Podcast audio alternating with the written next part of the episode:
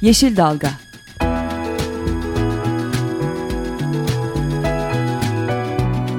Çevre mücadeleleri üzerine.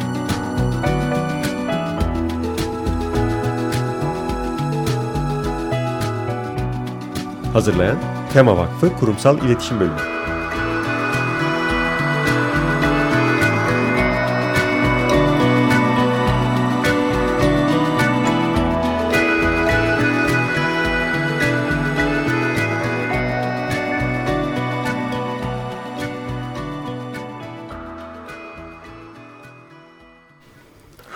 Merhabalar, bir Yeşil Dalga programında da sizlerle beraberiz. Ben programı hazırlayan ve sunan ekipten Gökşen Şahin. Ben Özgül Erdemli Mutlu. Bu hafta stüdyomuzda bir de konuğumuz var. E, stratejik iletişim danışmanı Şeyda Haluk bizimle beraber. Hoş geldiniz. Hoş bulduk, merhabalar. Hoş bulduk. E, şimdi önce biz yine haftanın iyi haber kötü haberiyle başlayacağız. Arkasından da aslında e, yeşil iletişim daha doğrusu çevre konularını toplumun daha geniş kesimlerine nasıl anlatabiliriz? Üzerinden konuşmaya ve tartışmaya devam edeceğiz. E, haftanın ilk haberi aslında e, bir kötü haberimiz. Onunla başlayalım istersen. Evet e, aslında daha önceki programlarda da çok yakından takip ettiğimiz Alakır'daki, Alakır Vadisi'ndeki HES'le ilgili olan e, iyi bir haber vardı. Bu haberle bu, bu, bu haberi paylaşmıştık. Bu neydi kısaca onu hatırlatalım. E, Alakır Vadisi'nin birinci dereceden doğal sit alanı ilan edilmesi söz konusuydu. Böylece orada e, yapılması planlanan HES'ler e, engellenmiş oluyordu. Ancak süreç içinde şöyle negatif bir gelişme oldu. Ee, Antalya Çevre ve Şehircilik İl Müdürlüğü bunu tescillemedi. Ee, ve e, aldığımız bilgilere göre konuyla ilgili toplantı yapan Tabiat Varlıklarını Koruma Kurulu siti onaylamadı ve e, dört mevsim sürecek olan şu ekolojik tabanlı bilimsel araştırma e, konusu var ya ondan da daha önce bahsetmiştik programlarımızda e, yeni yenilenen e, mevzuatla da ilgili olarak ona dayandırılarak yapılan konu. E, bunu bu kararı aldı. Yani dört mevsim sürecek olan ekolojik tabanlı bilimsel araştırma yapma kararı aldı. Aslında sırf bu açıdan baktığımız zaman olumlu bir şeymiş gibi geliyor kulağa. Aslında e, teoride böyle ama pratikte bu ne anlama geliyor? Pratikte e, bu sürecin e, devamı anlamına geliyor ve bir anlamda da süreci bilinmezliğe sürükleyerek Alakır Vadisi'nde e, yapılacak HES'lerin yolunu e, yolu açılmış oluyor. Bu sebeple de daha birkaç program önce ne güzel iyi olumlu gelişme Danıştay karar demişken e, şimdi gene konuyu takip etmeye devam edeceğiz ama e, bayramda e, bu e, olumsuz haber Alakır'dan gelince bizler de üzüldük. Evet 2 Ağustos Cumartesi saat 19'da Antalya Cumhuriyet Meydanı'nda Alakır için adalet buluşması gerçekleşecek e, buradan Antalya'da dinleyenler varsa ya da tatilini hala Antalya'da geçiriyor olan, olacak olanlar varsa 2 Ağustos Cumartesi günü onlara da duyurusunu yapmış olalım. Bu arada bence haftanın en iyi haberi e, bu bir haftalık bayramı bahane ederek tanıdığımız hemen hemen herkesin doğaya geri dönmüş bir şekilde e, ya ormana ya da denize kendini atmış olmasıydı. Bu da aslında bizim hep söylediğimiz o böyle e, bizim doğadan kopuk yaşadığımız ve aslında doğayla yeniden buluşmamız gerektiğine dair yapılan en büyük çağrıydı bence. Bilmiyorum kaç kişi bu açıdan baktı ama biz bir ara artık apartmanda sadece bizim olduğumuzu fark edip böyle herkes gerçekten bir yerlere gitmiş ve herkes gerçekten doğayı ve denizi özlemiş demek ki diye e, düşünmeden edemedik. Aslında bayramlarda bunu çok görüyoruz değil mi? Yani düşündüğünüz zaman bayramlardaki o genelde haberlere, gazetelere yansıyan uzun trafik kuyrukları, konvoyları oluyor ama aslında bizim insanımızın içinde hep e, bayramların güzel yanı tabii ailelerle birlikte geçirme, akrabalarla geçirme ama bir yerde e, Türk, Türkiye nüfusunun beşte biri İstanbul'da biliyorsun ve e, kentsel nüfus çok fazla arttı. Hepimiz kırsala gidiyoruz aslında. Annelerimizin, babalarımızın yanına gidiyoruz, doğaya gidiyoruz. Kendi memleketlerimize dönüyoruz ve e, ben yakınlardaydım ama yani çok İstanbul yakında Şile taraflarında bile herkesin e, bir şekilde piknik yapmaya her ne kadar pikniğin her türünü tasvip etmesek de insanın doğaya özlemi ve toprakla ve evet. yeşille o tekrar bağlantısıyla ilgili de bir sinyal ve bu bayramlarda da e, aslında bunu tatillerde de çok yoğun yaşıyoruz ama sadece o zaman hatırlamamak gerekiyor. Evet şimdi oradan konumuza dönelim o zaman zaten çok da doğrudan konumuzda bağlantılı hepimizin aslında içinde geriye dönmek doğayla ile bir arada bulunmak var ama bu çevre konuları hala çok e, birçok insanı sanki çok yüzeysel konularmış, e, lüks, lüks konularmış gibi geliyor. E, gerçekte de öyle bir yani iletişim gözüyle bakınca aslında öyle mi görülüyor ya da bu algının sebebi ne nasıl değişir? Bu aslında tam da Gökçen senin söylediğin gibi algıyla çok alakalı bir şey. Bunu daha başka bir konuyla da aslında paralel götürmek lazım. Biliyorsunuz e, dünyanın birçok ülkesinde kendi ülkemize dahil demokratik talepler söz konusu olduğunda hemen demokratik taleplerin daha lüks olduğu aslında daha önce ekonomik kalkınmanın gerçekleştirilmesi gerektiği üzere bir kült var. Yani bununla ilgili son günlerde bu algı yönetimi e, lafı çok moda oldu. Bir alg, ciddi biçimde algının ya da insanların bu konuda bir inanışı var. Yani önce insanların karnı doysun, e, cepleri dolsun. Ondan sonra biz demokrasiye de ona da buna da şuna da bakarız. Bu çok saçma. Yani artık dünyanın önde e, bilinen, e, önde e, giden birçok bir siyaset bilimleri bile bunu çok net bir biçimde söylüyor. Demokrasi olmadan kalkınma olmaz. Demokrasi olmadan kalkınma olmadığı gibi çevre ye saygı olmadan da çünkü e, çevreye saygı da demokratik bir taleptir, yaşam hakkıdır. O nedenle de çevrenin doğru bir biçimde ya da çevreyle ilgili çevre diyelim de doğal kaynakların doğru bir biçimde yönetilmesi olmadan söz konusu olmadan da gerçek bir demokrasiye bana göre ulaşmamız mümkün değil.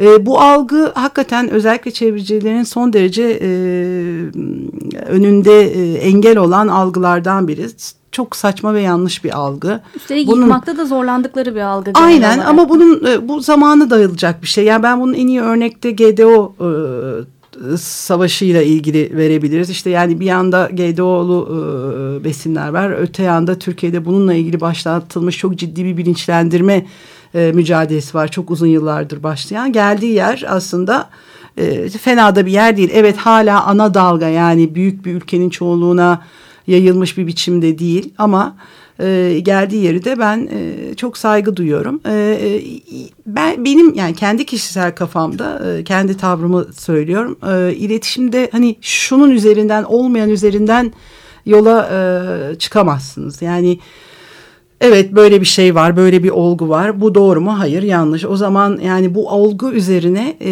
yani çoğunluğun baş, inandığı şey üzerinden iletişim kuramazsınız. E, buraya gelmeden önce de şuna şöyle açayım aslında bir konuşuyorduk ya sohbette de. Hı.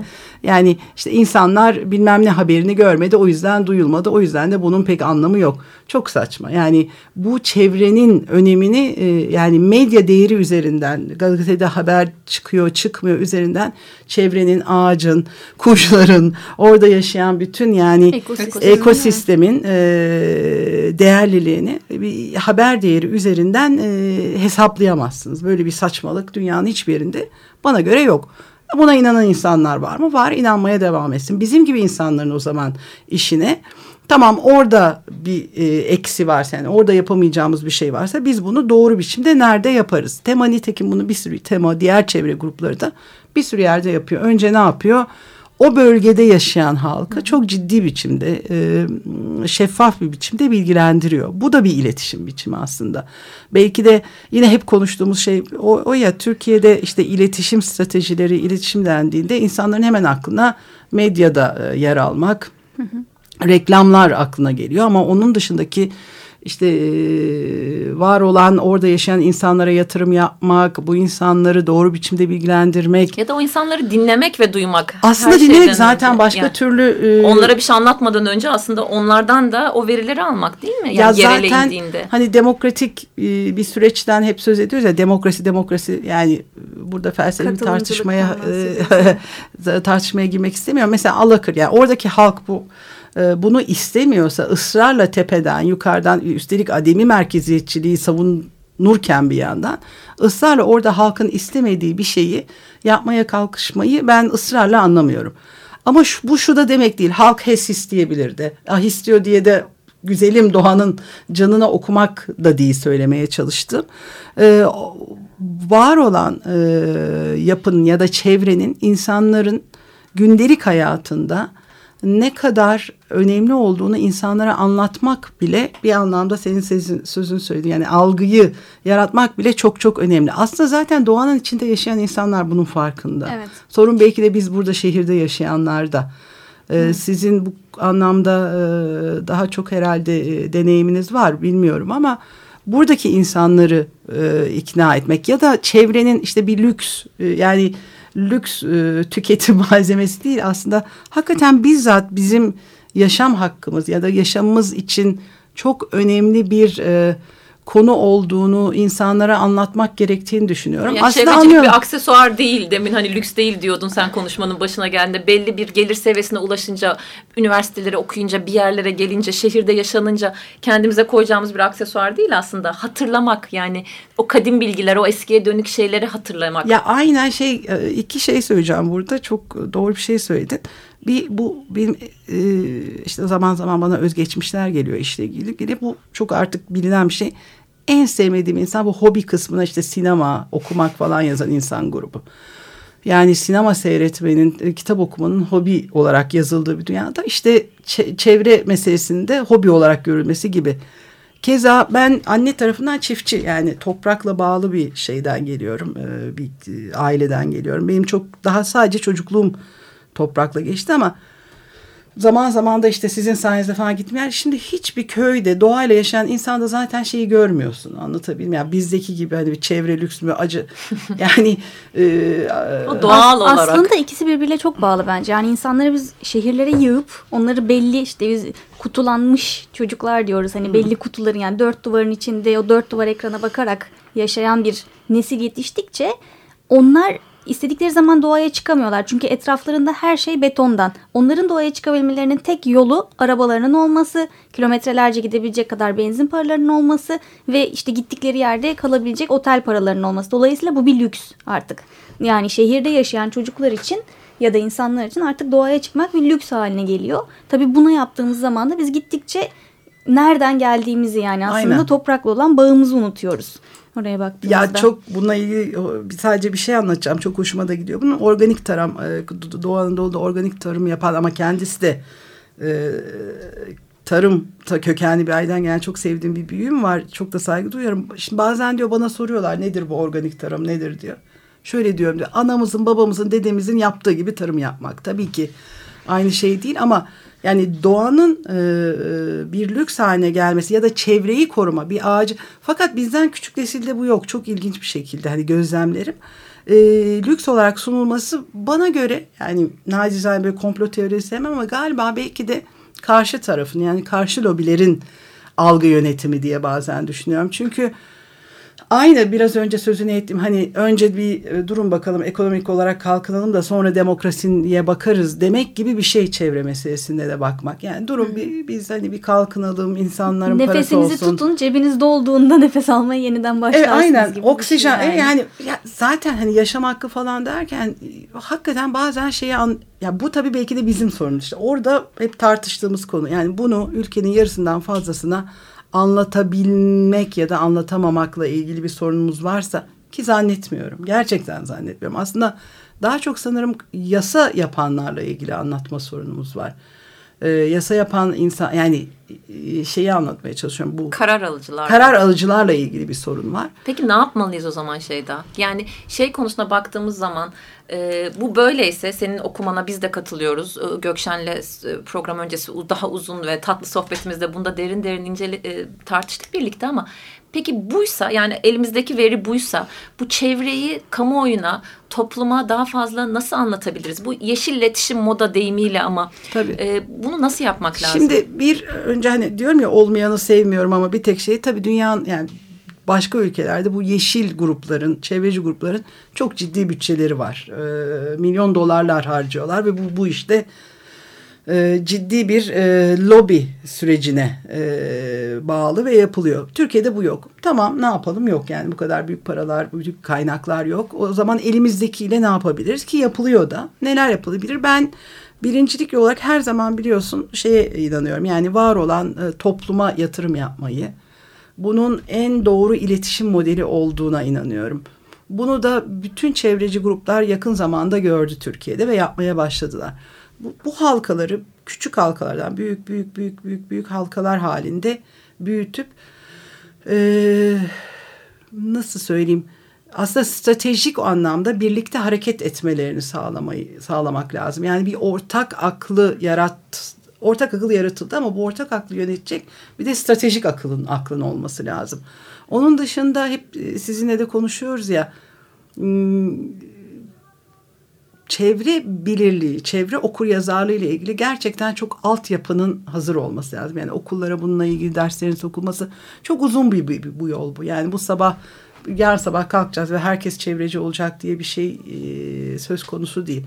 Ama okullara okul yazarlıkla ilgili e, müfredatın sokulması, bununla ilgili bir sürü projelerin yapılması belki gerekiyorsa kendi okul yani çevreci grupların kendi artık Türkiye'de işte özel eğitim kuruluşları var. Şu anda aklıma geliyor. Yani kendi okullarını kurgulaması mümkün olduğunca etkin yollarla e, geniş kitlere ulaşması gerekiyor. Böyle bunun üzerine bir iletişim yapısı kurması gerekiyor. Evet, şimdi isterseniz bir şarkı arası verelim. Arkasından da güzel bir yerden başladık çünkü aslında yerelden başlayıp gittikçe bunu biraz daha stratejik olarak iletişimin e, daha büyük iletişim yöntemine sokmak diye.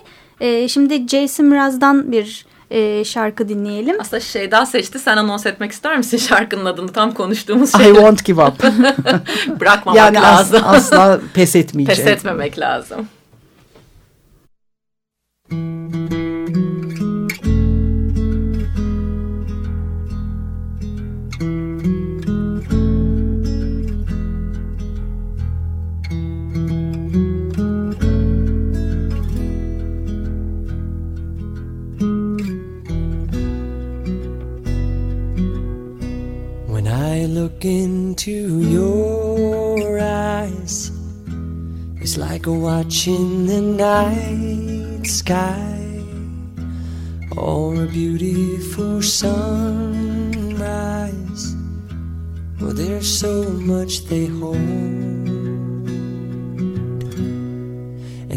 like them old stars. I see that you've come so far to be right where you are. How old is your soul? Well, I won't give up on us, even if the skies get rough. I'm giving you all my love. I'm still looking up. And when you're needing your space to do some navigating, I'll be here patiently waiting to see what you find. 'Cause even the stars,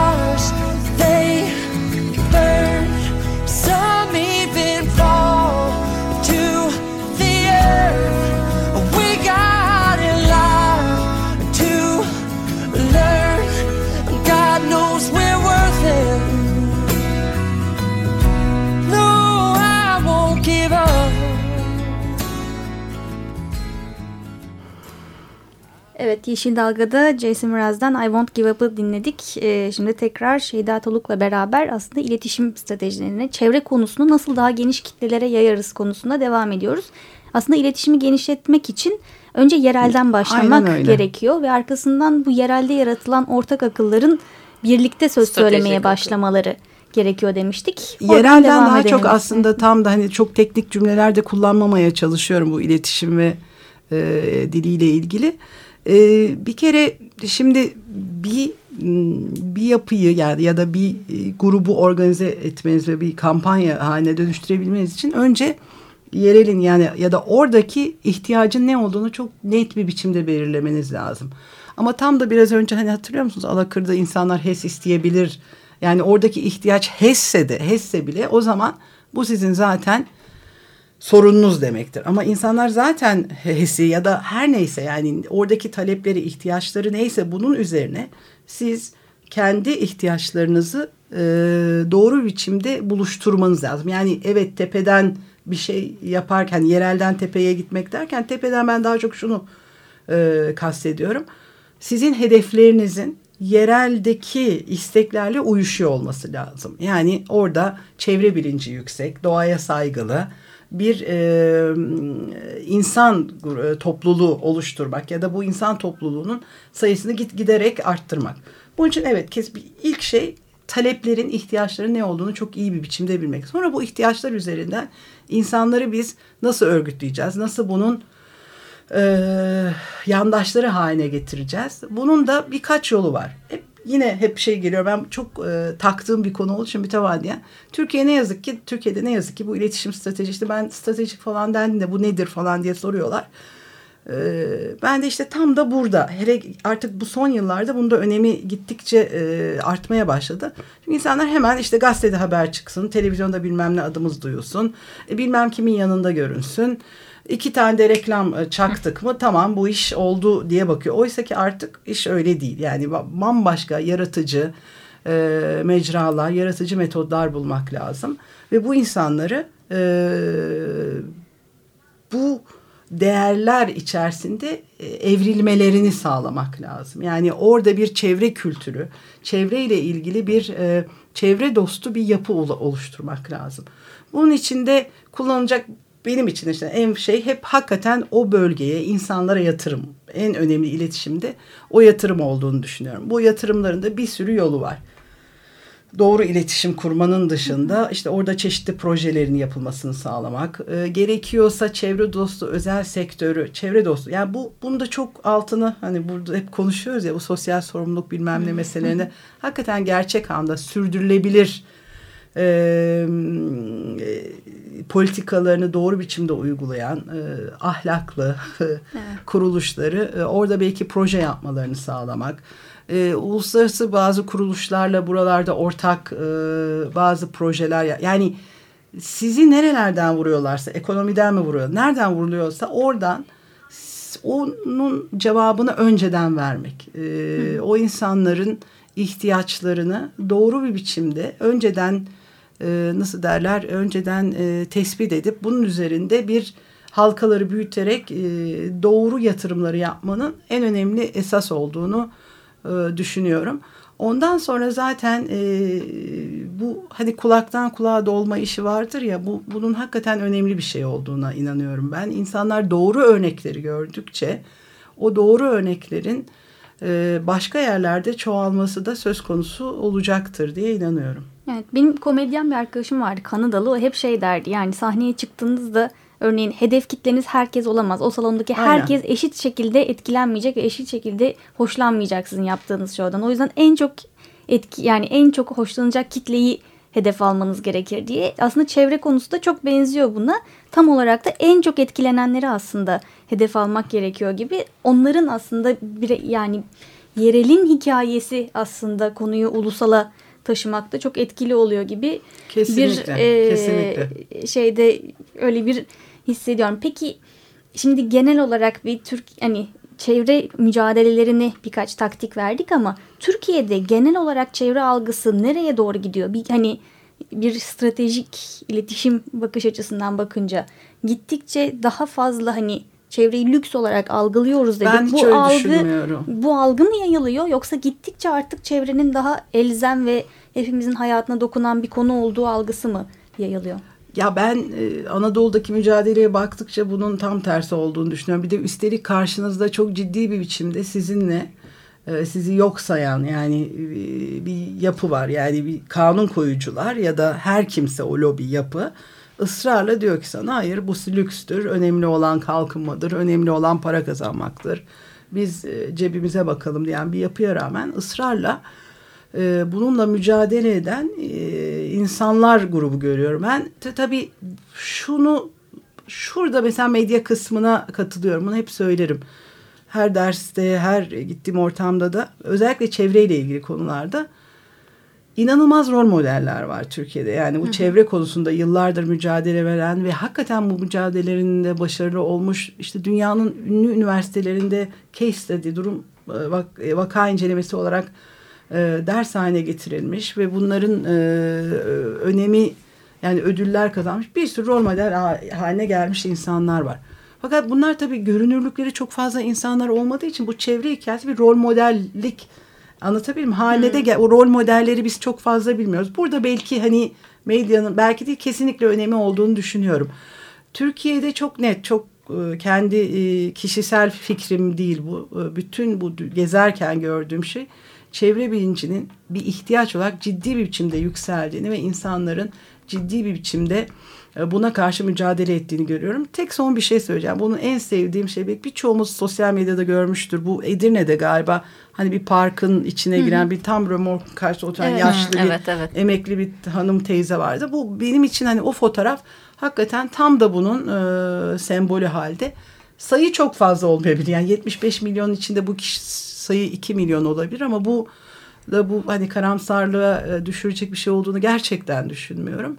Ben çevreyle ilgili bilincin e, ama çevreci gruplar sayesinde bunu çok net söylüyorum. Yani kendi kendine ya da vahiy yoluyla değil çevreci gruplar sayesinde sizin gibi ciddi bir biçimde yükseldiğini e, ve bu sayının da arttığını gözlemliyorum. Çok teşekkür ediyoruz Şeyda sana. Maalesef süremizin sonuna geldik. Ben Ee, teşekkür ederim. katıldığın için programımıza e, şarkıdaki mesaj gibi pes etmemek lazım. Asla. Bin kilometrelik yol bile bir tek adımla başlıyor. Bu yol uzun ama o adımları ne kadar kalabalık atarsak o kadar yürüdükçe de ses getiririz. Tüm Yeşil Dalga ekibinden dinleyicilerimize iyi bayramlar diliyoruz. Haftaya görüşmek üzere. Hoşçakalın. Hoşçakalın.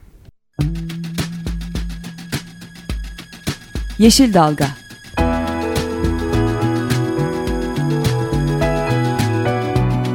Çevre mücadeleleri üzerine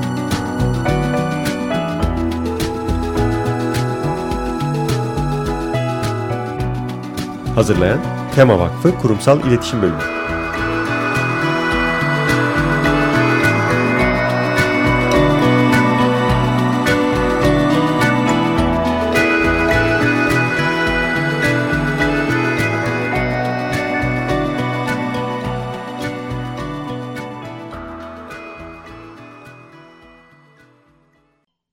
Açık Radyo program destekçisi olun. Bir veya daha fazla programa destek olmak için 212 alan koduyla 343 41 41